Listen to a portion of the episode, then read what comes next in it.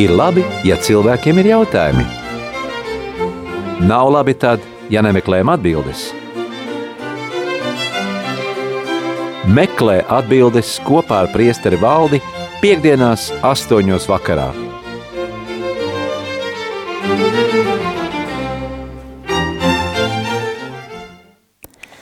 Labvakar, labvakar, mīļo rādījumu arī klausītāji. Pulkstens ir jau 5 minūtes pāri astoņiem vakarā, un ir pienācis laiks raidījumam meklē atbildes kopā ar priesteri valdi. Atgādinu, ka šī raidījuma laikā tu var droši uzdot savu jautājumu, rakstot īziņu uz numuru 67 969 131 vai arī Es atvainojos, tas ir zvanīt uz numuru 679 669 131 un uzdot savu jautājumu ēterā priesterim valdim, vai arī sūti īziņu uz numuru 266 77 272. Kristus ir augšām cēlies. Priesteri valdi, prieks jūs sveicināt šai vakarā. Ar tiesa augšām cēlies. Nu, šodien mums jau ir, ir vesela virkne ar jautājumiem, ir bibliski jautājumi, ir arī tādi aktuāli jautājumi, bet uh, ar tiem bibliskajiem sakot, pirmais jautājums ir par fragmentu no apakstuļu darbiem 44, 10. Eh, nodaļa 44 līdz 48. Un tur ir tāds raksts, rakstīts, ir Pēterim vēl runājot, svētais gars nāca pār visiem, kas klausījās viņa vārdus, un ticīgie apgriezītie, kas bija atnākuši Pēterim līdzi, bija pārsteigti, ka Dievs svētā gara dāvanu izlējis arī pār pagāniem. Un tur ir tāds jautājums, vai tas, ka pagāni, nekristīti cilvēki, cilvēki saņem svētā gara harizmu, runā un slavē Dievu jaunās valodās, ir ir kas cits kā tas, ka kristieša dvēselē mājo svētais gars ar viņa septiņām dāvanām un augļiem. E, īstenībā svētajos rakstos no jaunajā derībā tas ir vienīgais fragments, kur autors raksta, ka svētais gars nolaidās pirms kristības, pirms roku uzlikšanas. Un tas ir īpašs gadījums, kad pagāni saņem svēto garu pirms kristības. Un īpaši ir tāpēc, ka, eh, ja mēs zinām, Pēters no sākuma viņš, kur Jafā, Jafā viņš lūdzās, vai viņš aizgāja Pēters un uzrunāja. Pēters atradās citā vietā, viņš, eh, un eh, apakstu darbus ir tas fragments, kur viņš uziet uz jumta pusdienas laikā, un viņš redz to vīziju no Dieva, no debesīm nolaižas galdauts, aiz četriem stūriem tiek nolaists ar visādiem zvēriem, un Pēterim balss saka, kauj, ēd, un Pēters saka, nē, nekādu, es nekad neko nešķīstu mutē neesmu ņēmis. Un tad viņš saprata, ka arī Dievs grib dot pagāniem svēto garu. Un tur ir tāds interesants moments, kāpēc Dievs dod svēto garu pirms kristības. Tāpēc, kad uh, ebreji, tie, kas atgriezās uz kristietību no ebreju vidus, Viņi uzskatīja, ka uh, svētais gars nevar uh, tikt dots pagāniem. Un tādā veidā, uh, dodot svēto garu pagāniem pirms kristības, Dievs pazemo to uh, kristiešu, ebreju kristiešu augstprātību, parādot, ka viņš ir izredzējis arī pagāns. Tas ir uh, savādāk. Tas ir savādāk nekā nu, normāli, kā notiek, kā svēto garu saņem uh, pēc kristības. Ar kādu mērķi Dievs deva viņam šo svētā gara harizmu runāt valodās? Tas nav runāt valodās, runāt mēlēs. Svētais Augustīns runā par glosolālijām. Tad, kad e, cilvēks ir pilns ar svēto garu, viņš no sākuma slavē Dievu, varbūt turpat dzied, un beigās viņam ir tāds garīgais stāvoklis, kad viņam pietrūkst vārdu. Un viņš tikai var ar kaut kādām ar skaņām, viņam pietrūkst jēdzienu vārdu, lai slavētu Dievu, lai viņam pateiktos, bet no prieka viņš izdod tikai skaņas, un tās saucās glosolālijas. Un varbūt arī tās ir tās e, glosolālijas, ka varbūt uh, citi, uh, kuri uh, klātesošie dzird to, tā nav konkrēta kaut kāda valoda, bet viņi var saprast arī, ko svētais gars caur šiem cilvēkiem, ar šīm glosolālijām arī runā. Svētais Pāvils pirmajā vēstulē korintiešiem viņš arī saka, ka var runāt mēlēs, var runāt mēlēs, bet jābūt kādam, kas to iztulko. Tās nav valodas, tās ir glosolālijas. Tad ir jautājums, ko nozīmē kristīt kunga Jēzus vārdā? Tas varbūt ir tāds ebraisms, Eh, jo ebrejiem ir vārds, eh, tas visvētais vārds, Lašem vārdā. Un eh, bija tāds laiks arī, kad Svētais Ambrozijs saka, ka pietiek, kad nav, nav tā trinitārā formula, es tevi kristīju Dieva tēva un dēla un svētā gara vārdā, bet pats Svētais Ambrozijs kļūdījās. Protams, nevar būt tikai kristība Jēzus vārdā. Tas ir jāsaprot savādāk. Tā, tas, tā nav kristības formula. Un tad ir jautājums no Jāņa evanģēlīja 15. nodaļas, 14. pāns un vairākas reizes tur atkārtojas. Un, un cilvēks jautā, kas tas ir? Jēzus saka, jūs esat mani draugi, ja jūs darīsiet to, ko es jums pavēlu. Vai arī piesaku, krieviski zapaviedoju. Un Interesanti, jā. Loģisks jautājums, kā tas ir draugam pavēlēt. Kungs var pavēlēt kalpam, jā. Bet uh, grieķu valodā mums ir vairāki vārdi. Jaunajā derībā vismaz ir, ir kādi astoņi vārdi pavēlēt, teiksim, entelomai, prostasso, sintasso, apangelo, parangelo, epitasso, dietasso Lukasam ir tāds īpašs keleo. Un, un tas, kuru izmanto uh, Jāņa evanģēlijā, entellomai, entellomai, ka Jēzus saka pavēlu, bet uh, tas ir saistīts arī ļoti tūs vārds uh, vārdam pauslis, entolē. Un, ja mēs paskatāmies, ir veco, vecās derības uh, apokrifi, kur ir testamenti, tad tur arī tiek izmantots tas pats vārds, un viņš nav kā pavēle. Īstenībā tas ir, es jums atstāju instrukciju. Tas ir mans testaments, tā ir mana vēlēšanās, kura nu, pēdējā griba cilvēks arī var pateikt, pēdējo gribu viņš nepavēl, bet tuvinieki viņu var uztvert kā obligātu, kā kaut ko svētu, kas obligāti ir jāizpilda. Bet te, te, te ir eh, šis entellomai eh, ir jāuz, eh, jāuztver ar nozīmi, ka es jums atstāju instrukciju, es jums atstāju tādu kā mm, testamentu, kuru pildīt. Tā nav pavēle, tā nav pavēle, kā kungs pavēla kalpam. Vai tad draugam pavēle, kalpam pavēle? Tas ir par tādiem bibliskiem jautājumiem. Un vēl viens tāds no garīgā rakstura jautājumiem bija par uh, svētākās jaunās Marijas litānijām. Es tulīt atradīšu, tur bija vairāki tituli, bet uh, es neiedziļināšos katrā no šiem tituliem.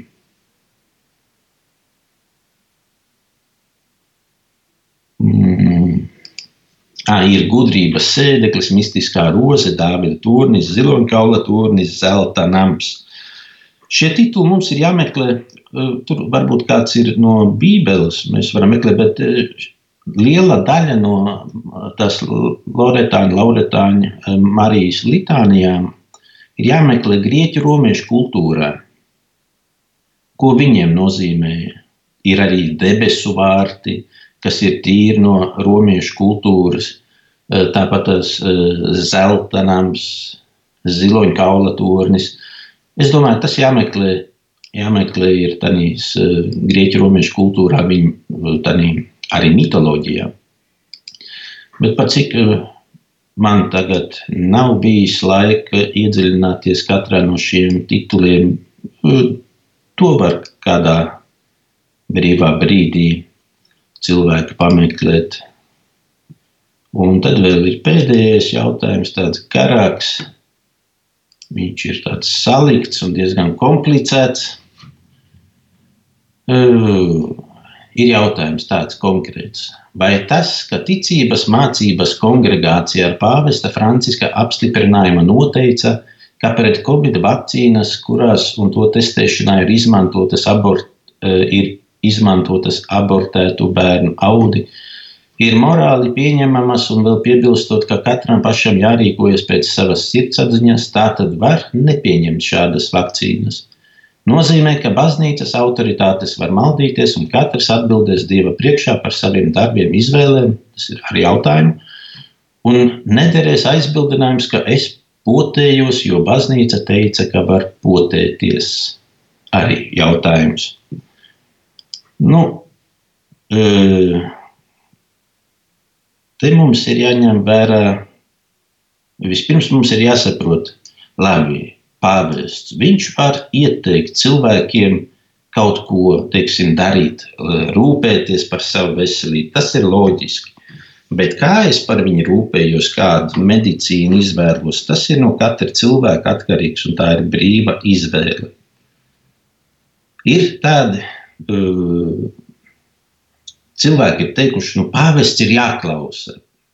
Protams, jā, un arī nē. Pāvests man ir jāklausa, jāpaklausa visā, kas attiecas uz baznīcas mācību un uz morāli. Ja pāvests saka, ka Marija e, tiek uzņemta bez godībā ar miesu un dvēseli, tad pasludina, pasludina to kā dogmā, tad man tam ir jātic. Ja pāvests saka, ka e, Marija ir ieņemta bez pirmdzimtā grēka un pasludina to kā ticības patiesību, man tam ir jātic. Ja pāvests saka, ka ir jāievēro pauši, un ja viņš vēl apstiprina to, kas ir baznīcas tradīcijā no Dīdāhe līdz pat mūsu dienām, viņš pateiks, ka uh, aborts vienmēr ir, ir bijis un būs grēks, un to nevar nekad attaisnot, tam ir jātic. Bet ja man pāvests saka, nedzeriet Coca-Colu, jo tur ir, teiksim, aspartams, kurš uh, veicina smadzeņu vēzi, Es varu pateikt, nesvētais tēvs, es esmu šodien kārtīgi paēdis, un es gribu, lai man tā Coca-Cola palīdz man vēterā to visu sagremot. Tur es varu pāvestam neklausīt. Pāvestam jāpaklaus to, kas attiecas uz baznīcas mācību un uz morāli. Un tāpat tās viņa pienākums ir baznīcas mācību svēti sargāt un uzticīgi izskaidrot. Par vakcīnām, tāpēc es domāju, viņš var ieteikt, var aicināt, bet cilvēks var brīvi izvēlēties un pateikt, nē, tas ir pret manas sirdsapziņu.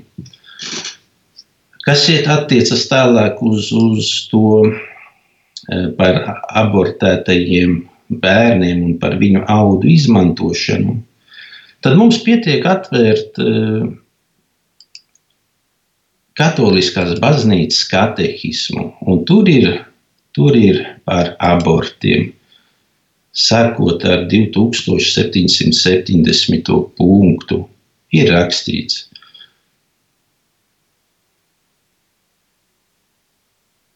Un kā nedrīkst, nedrīkst arī bērnu audus, abortēto bērnu audus izmantot kā bioloģisko materiālu. Tas nozīmē, ka viņa izmantošana vai nu vakcīnas eh, testēšanā, vai nu pašā vakcīnā ir amorāla. Un, un ka ar, ka ar bērnu, kas ir miris, ir jārīkojas no nu, ar uh, embriju, teiksim, ir jārīkojas tāpat kā ar piedzimušu cilvēku. Par dzīvi rūpēties, censties saglabāt viņu dzīvību, par mirušu, par mirušu viņu vajag apglabāt, kā es teicu iepriekšējā reizē. Plus vēl par tām vakcīnām Mēs dzirdam visdažādākos uh, spriedumus. Ir daudz cilvēku, viņiem nav pieejama informācija, viņi nevar sameklēt kaut ko, teiksim, internetā, aprunāties ar ārstiem. Un ir daudz vecu gados cilvēku, kuri uh, par uh, vakcīnām, par viņu pieņemšanu vai nepieņemšanu, vai nu dzird no medijiem. Ir, teiksim, mazbērni, kuri saka, vajag obligāti, vak, eh, obligāti vakcinēties, savādāk mēs mazbērns pie jums nevedīsim. Vai cits saka, nekādā gadījumā nedrīkst vakcinēties. Un ir tāds apjukums sabiedrībā, un ir tāda eh, sabiedrības dalīšanās. Bet katram ir jāizdara sava izvēle. Un es varu tikai padalīties ar to, teiksim, ko, ko es te esmu sameklējis un nu, nonākt pie saviem secinājumiem. Un jau labu laiku, jau kopš marta, internetā var atrast uh, tādas zinātniskas publikācijas. Es negribu atsaukties uz kaut kādām TikTok vai YouTube filmiņām, bet, ja ir cilvēki, kuriem ir internets tagad un kuri sēž pie kompjuteriem, vienkārši var iegūglēt angļu valodā ir tādas zinātniskas publikācijas no American Health Association Journal vai Circulation Research. Un tur ir tāds, eh, tāda publikācija par SARS-CoV-2 spike proteīniem pēļas endoteliālu function via downregulation of ACE2.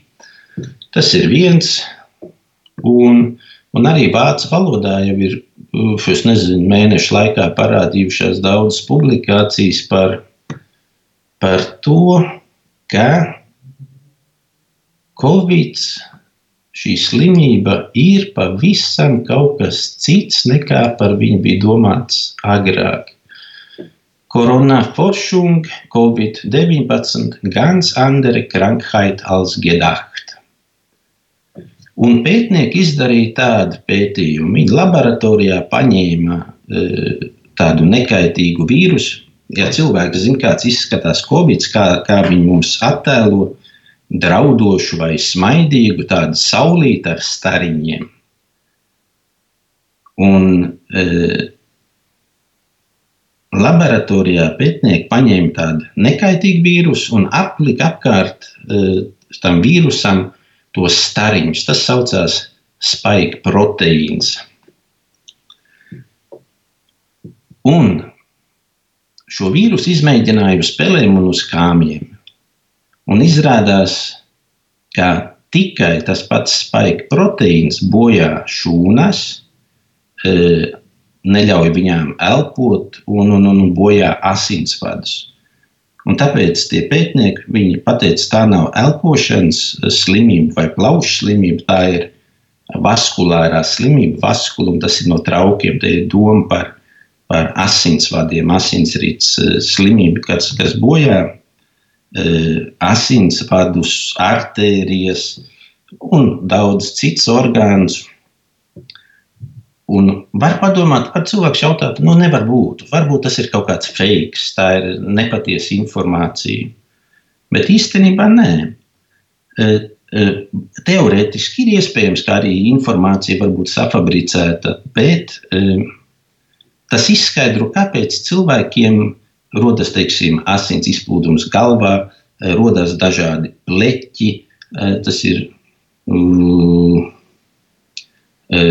Tiek bojāts artērijas, sievietēm rodas kaut kādi neregulāri cikli, asiņaināki, garāki. Sievietēm pēc menopauzes parādās cikls.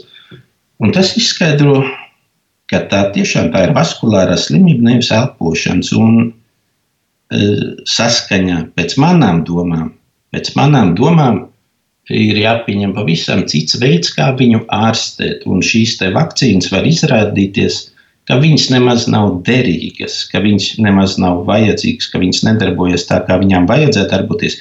Jo tādās pašās vakcīnās ir tas pats spēka proteīns. Un vai nebūs tā, ka mēs kaut kādā varbūt ilgākā laika posmā iedzīvosimies e, kaut kādās veselības problēmās, komplikācijās, kaut kādās autoimūnās slimībās. Un tāpēc es domāju, ka būtu labi, ka būtu tie biologi vai, vai, vai, vai ārsti, kur paņemt šos pētījumus, izanalizēt, izstudēt. Jo tas ir kaut kas jauns. Tas ir kaut kas jauns Latvijā. Jo, ja mums visu laiku stāstīja, ka tā ir elpošanas slimība, tad tas zinātnieks saka, ka tas ir pavisam kas cits. Un tās ir manas domas par šīm vakcīnām. Paldies, priestara valdi, tas ir jūsu viedoklis, bet uh, jautājums Tikai ir... Jā, tas ir tikai jūsu viedoklis. Bet uh, Vatikāna ticības mācības kongregācija ir uh, pateikusi, ka ir pat tādu paskaidrojumu devusi, ka pat ja pas, parasti potēšanās nav obligāts morāls pienākums un tādēļ tā ir brīvprātīga, tomēr pastāv pienākums rūpēties ne tikai par savu veselību, bet arī par sabiedrības labumu. Ja pašreiz nav citu veidu, kā apturēt vai novērst pandēmiju, tad sabiedrības labuma vārdā vakcinācija var tikt ieteikta, īpaši, lai pasargātu tos, kas ir saslimšanas riska grupā. Jā, un tad šīs atbilde arī ir tam uh, cilvēkam, kurš jautā, ka vakcinēšanās nav obligāti. Ja? Bet uh, varam lietot zāles, kaut vai profilaktiski. Ir valsts, kur profilaktiski var lietot zāles. Viss.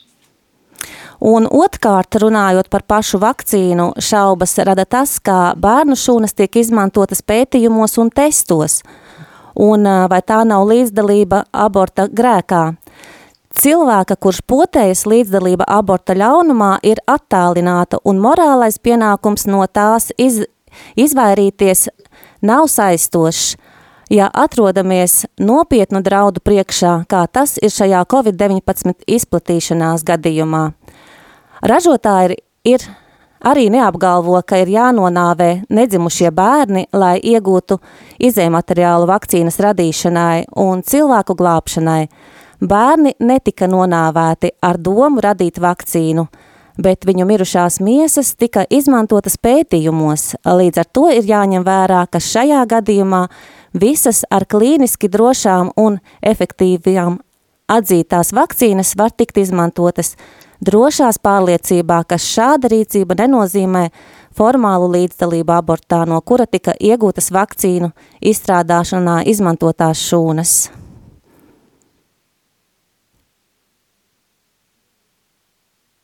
Nu, tā ir tāda oficiāla versija. Skaidrs. Ir kādi jautājumi? Es domāju, ka šobrīd mēs varam doties muzikālajā pauzē. Pauze.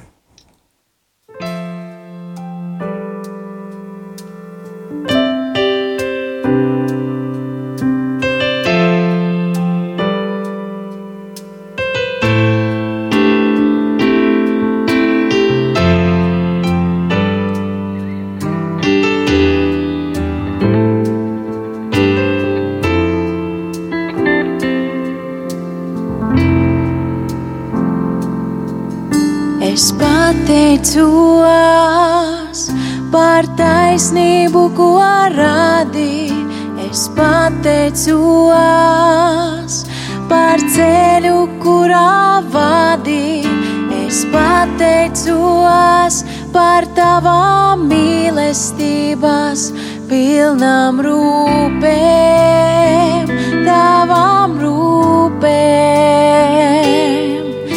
Es pateicos un priecājos par tevi. Es pateicos par visu, ko man devi. Es pateicos, ka varu pateikties tev, mans mīļais,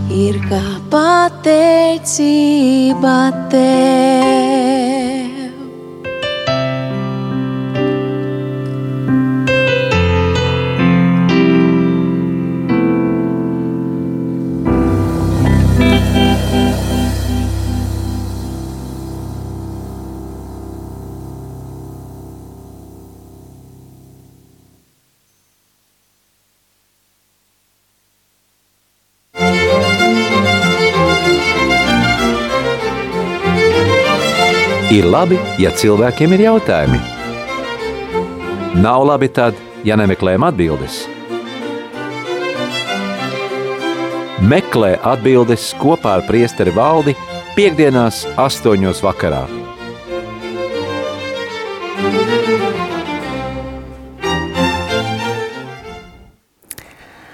Mīļo rādījumu arī klausītāji. Ēterā, kā jau tu tikko dzirdēji, ir raidījums meklē atbildes kopā ar priesteri valdi. Atgādinu vēlreiz, ka šī raidījuma laikā esi laipni aicināts zvanīt uz studiju, lai uzdotu savu jautājumu, un tāruņa numurs studijā ir nemainīgs, tas ir 67 969 131, vai arī sūti jautājumu īziņas veidā uz numuru 266 77 272. Un, priesteri valdi, mums ir tāds jautājums ienācies um, tieši par šodien evaņģēlijā dzirdēto uh, Jēzus Pēterim trīs reiz jautā, vai tu mani mīli? Kāpēc šis jautājums tiek uzdots trīs reizes? Baznīca tev to skaidro ļoti simboliski, tāpēc, ka Pēters jau arī viņš trīs reizes aizliedzās, tad, kad Jēzus jau bija apcietināts un e, Pēters ir iegājis augstā priestera pagalmā, sildās no sākuma kalpiem, un tad viņām vienreiz kalpo un saka, tu esi viens no viņiem, viņš liedzās, nē, nē, nē, otrreiz, nē, nē, nē, trešoreiz, jā, arī tā var un tev nodod, viņš saka, nē, nē, es nepazīšu šo cilvēku, un Tad iedziedās gailis, un Pēters atminās, ja pirms nekā gailis dziedās vai divreiz nodziedās, tu man trīs reizes aizliegsies. Un tāpēc ir šīs trīs reizes, bet grieķu valodā tur ir vēl savādāk. Grieķu valodā ir mīlestībai ir vairāk vārdi. Ir, teiksim, agape, tas ir tā bezinterešu, visaugstākā mīlestība, kas ir tāda bez nosacījumiem ir filo, ir tas ir tāda, teiksim, sentimentāla, emocionāla, teiksim, mīlestība, kas ir kā draugs, var mīlēt kā draugu, un vēl ir eros, tā ir tā erotiskā, kaislīgā mīlestība. Un pirmās divas reizes Jēzus jautā Pēterim, vai tu man mīli ar agape, agape to augstāko mīlestību. Un trešajā reizē Jēzus viņam jautā, vai tu man mīli kā draugu, var teikt, to filo, un tad Jēzus, tas Pēters noskum par to. Mīlestība ir dažāda. Kaut kur es pat dzirdēju, ka indiešu valodā, indiešiem tās valodas ir daudz, viņiem pat ir kāda 80 mīlestības apzīmējumi. Viņiem tur ir tēva, mātes, tur visādas tās mīlestības, kādas 80 termiņi. Paldies, Priestervaldi. Tad jautājums ir par pārbaudījumiem vai par nelaimēm, kas nu, dažreiz sastopami cilvēku dzīvē. Notiek dažādas avārijas un tiešām ļoti bēdīgi atgadījumi. Un jautājums ir, vai tas ir Dieva pārbaudījums mums vai sātana lāsts? Nevienmēr. Kāpēc mēs, mēs vienmēr gribam visur saskatīt uh, vai no Dieva svētība, vai Dieva soda, vai lāst, kur kāds ir uzlīts. Mums taču ir jāpieņem arī savu cilvēciskā kondīcija. Mēs esam telpā, laikā, mums, mēs varam satikties ar, sastapties dzīvē ar dažādām slimībām. Ja?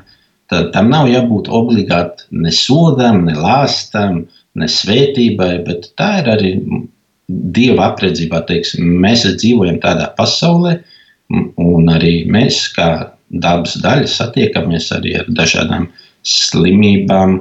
Nelaimes, nelaimes bieži vien notiek cilvēka pārgalvības dēļ, avāriju. Nu, labi, nevienmēr man jābūt vainīgam avārijā, lai aiziet bojā. Varbūt kāds cits, kurš pārgalvīgi vadot uh, transporta līdzekli, var izraisīt avāriju, vai būt uh, alkohola reibumā, vai vēl savādāk. Uh, tie ir jānoraksta arī. Mēs varam daudz norakstīt uz cilvēku brīvo gribu un uz cilvēcisko faktoru. Bet kāpēc tad nu, tā kā notiek kaut kas tāds cilvēka dzīvē, tad saka, ka Dievs mūs pārbauda?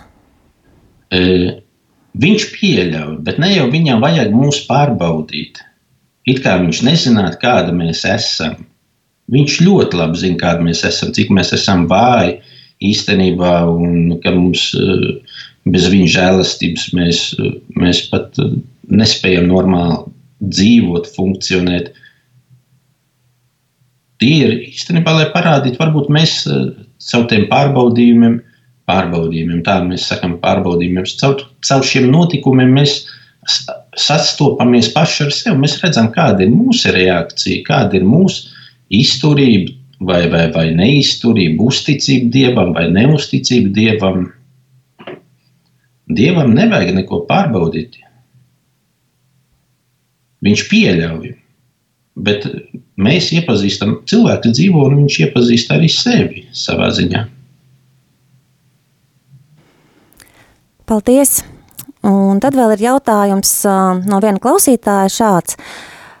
Kā saprast, ja esi kristīts kā zīdainis un pēc tam, ja neesi zinājis par baušļiem un kritis grēkā, tad saproti to un nokristījies ar pagremdēšanos un sācis lasīt bībeli un centies ievērot to, kas ir rakstīts. Kā uz to skatīties? Tagad tā, tā secība kaut kā nedaudz jocīga ir bērns nokristīts.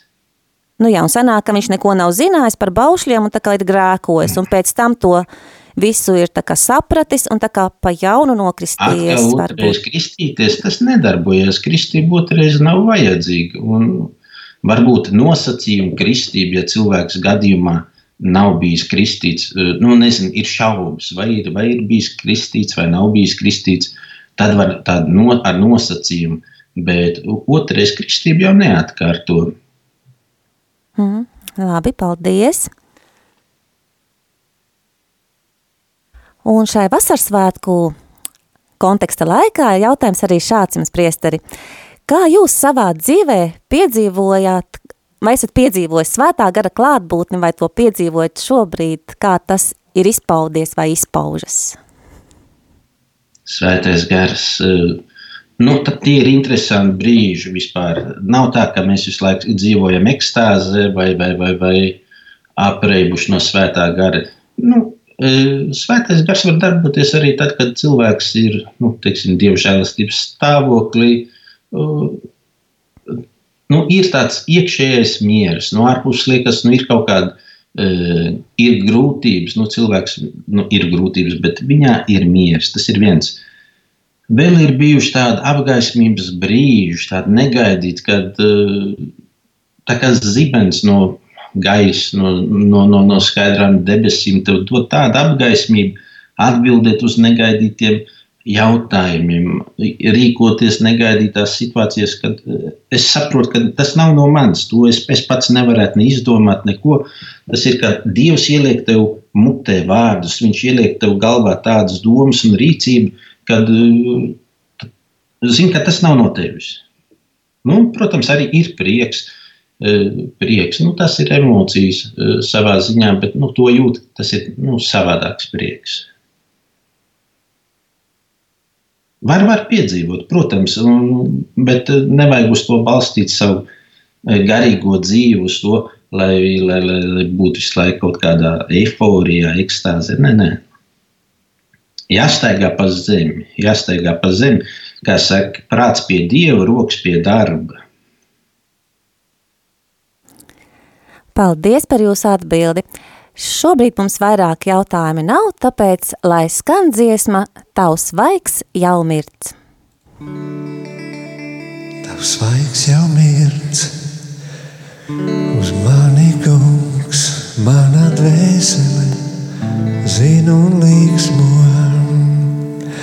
mani mazgaitu un pat cēlī, mana dvēsele zina un līksmo, kad kritīs kalns, bijis brūks, mans pamats tu, tas nesajūgs, jo tava roka manī tur, mana dvēsele zina un līksmo, kad kritīs kalns, bijis brūks, mans pamats tu, tas nesajūgs, jo tava roka manī tur, mana dvēsele zina un līksmo.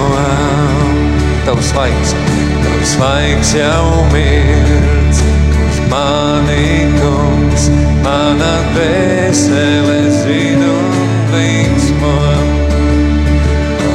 Mazgaitu un pacēli, mana dvēsele zina un līksmo, kad kritīs kalns izbruks, mans pamats tu, tas nesajūgs, jo tava roka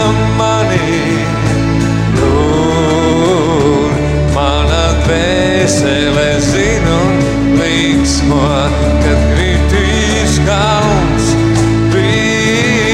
izbruks, mans pamats tu, tas nesajūgs, jo tava roka manī tur.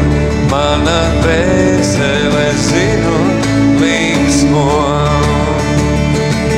Prieks un ir tevi rasts, mana dvēsele zinu līksmo iedots man un cerēt spēks. Mana dvēsele zina un līksmo, kad kritīs kalns, bijis bruks. Mans pamats tu, tas nesajūgs, jo tava roka manī tur. Mana dvēsele zina un līksmo, kad kritīs kalns, bijis bruks. Mans pamats tu, tas nesajūgs, jo tava roka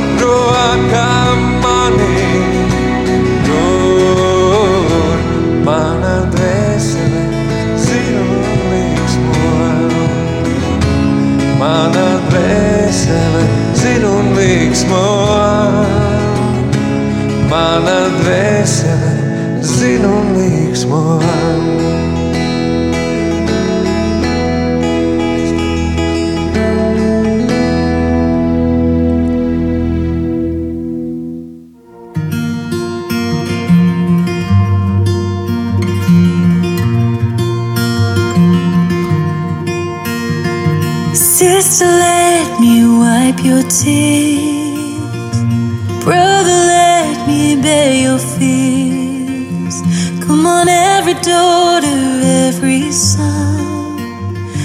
Let us walk in love, for we are one.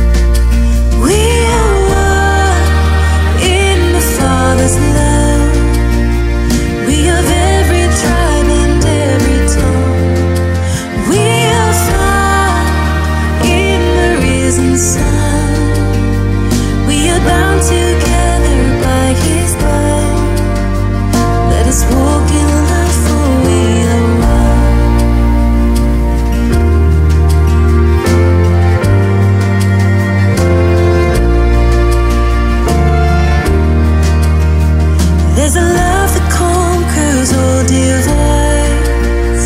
A love.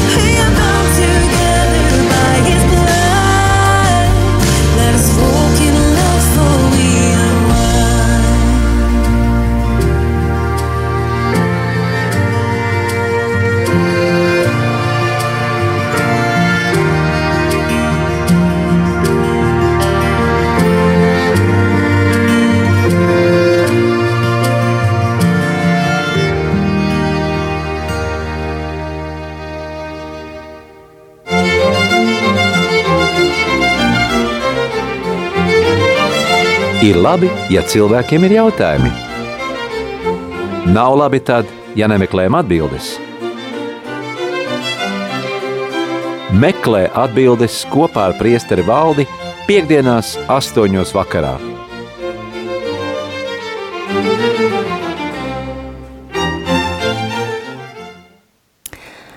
Mīļo klausītāji, ir piekdienas vakars, pulkstens rāda jau bez desmit minūtēm, deviņi vakarā. Ēterā ir raidījums meklē atbildes kopā ar priesteri valdi. Un šī vakarā droši vien pēdējais jautājums, ko mūsu klausītājs ir iesūtījis, ir šāds. Ebrejiem 12 no 14. līdz 17. pantam ir rakstīts, uh, iz, izlasot šo, šo, šīs rindkopas, rodas jautājums, vai glābšanu tik viegli var pazaudēt. Piemēram, Ēsaus pirmdzimtību pārdeva par vienu ēdienu, bet meklēja ar asarām, tomēr tika atmests. Šo rakstu vietu gribētu saprast labāk. Tur droši vien ir dziļāka doma. Tad mēs paklausīsimies no radīšanas grāmatas 25. nodaļa, 29. pants sākās. Reiz, kad Jēkabs vārīja viru, no lauka noguris pārnāca Ēsaus. Ēsaus teica Jēkabam, dod man rīt, nu tas ir ēst no šī sarkani sarkanā virma, jo esmu pavisam bez spēka. Tādēļ viņš tika saukts par Edomu. Un Jēkabs teica, pārdod man vispirms savu pirmdzimtību. Esaus teica, re, man tāpat jāmirst, tad kam man šī pirmdzimtība? Un Jēkabs teica, apzvēri man vispirms. Un viņš zvērēja Jēkabam un pārdeva viņam savu pirmdzimtību. Un Jēkabs deva Esavam maizi un lēcu viru, un viņš ēda un dzēra un cēlās un gāja. Tā Esavs nonievāja pirmdzimtību. Eh, Jēkabs un Ezavs viņi bija var teikt, diviņu brāļi. Tikai Ezavs piedzima pirmais, Jēkabs viņa dzimstot turējais kājas. Un uh, ar pirmdzimtību ir saistīta arī vecāku svētība, uh, un tā svētība mums ir divas nodaļas tālāk, 27. nodaļā ir tas, kad jau uh, Īzāks vecs, palicis, jau neredzīgs, un viņš grib dot savu to svētību pirmdzimtajam. Un tā ir visnozīmīgākā, kas arī dod vislielāko, nu, dod mantojumu, no to galveno svētību.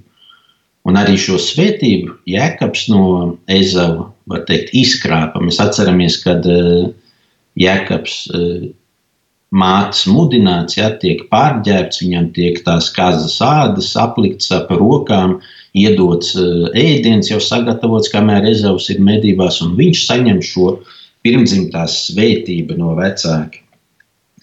Ir, tā ir dziļā jēga arī vēstulē ebrejiem.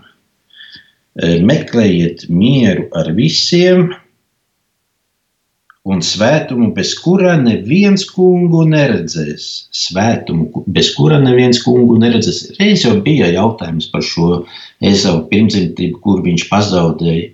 Un arī te mēs varam skatīties, lai mēs nekad nepazaudētu šo svētdarošo žēlastību. Raugieties, lai neviens neatkrīt no Dieva žēlastības, lai neizaug rūkta sakne, radot nesaskaņas, caur kurām daudzi tiktu aptraipīti, lai neviens nekļūst tik izvirtis un pasaulīgs kā Ēzaus.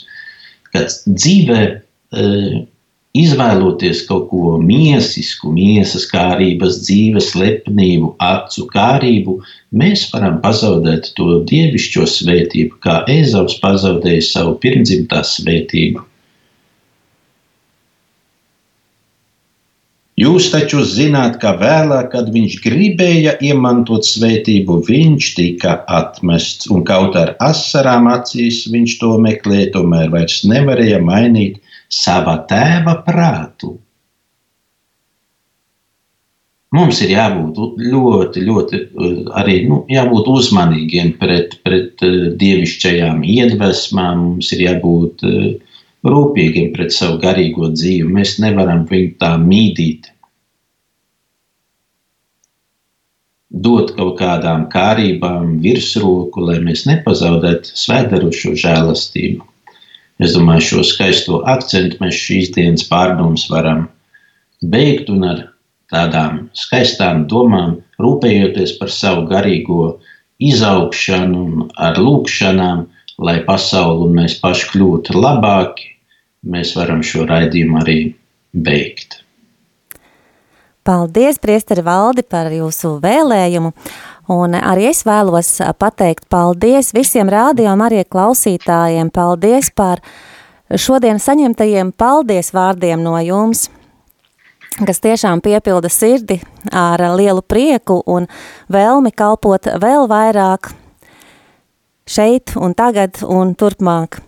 Un uh, es gribu novēlēt visiem priecīgus vasaras svētkus, kas tūlīt, tūlīt jau būs klāt. Un lai Dieva mīlestība iep ielīst jūsu sirdīs, piepilda to, lai svētais gars izgaismo tumsu, atver mūsu acis, lai tā spēj ieraudzīt visu to gaišumu, dzīvību, Kristus mīlestību. Lai mūsu sirdis piepildās ar mieru un paļāvību. Ar jums šovakar kopā biju es, Rita Steinberga. Priesteris Valdes. Priecīgus visiem vasaras svētkus!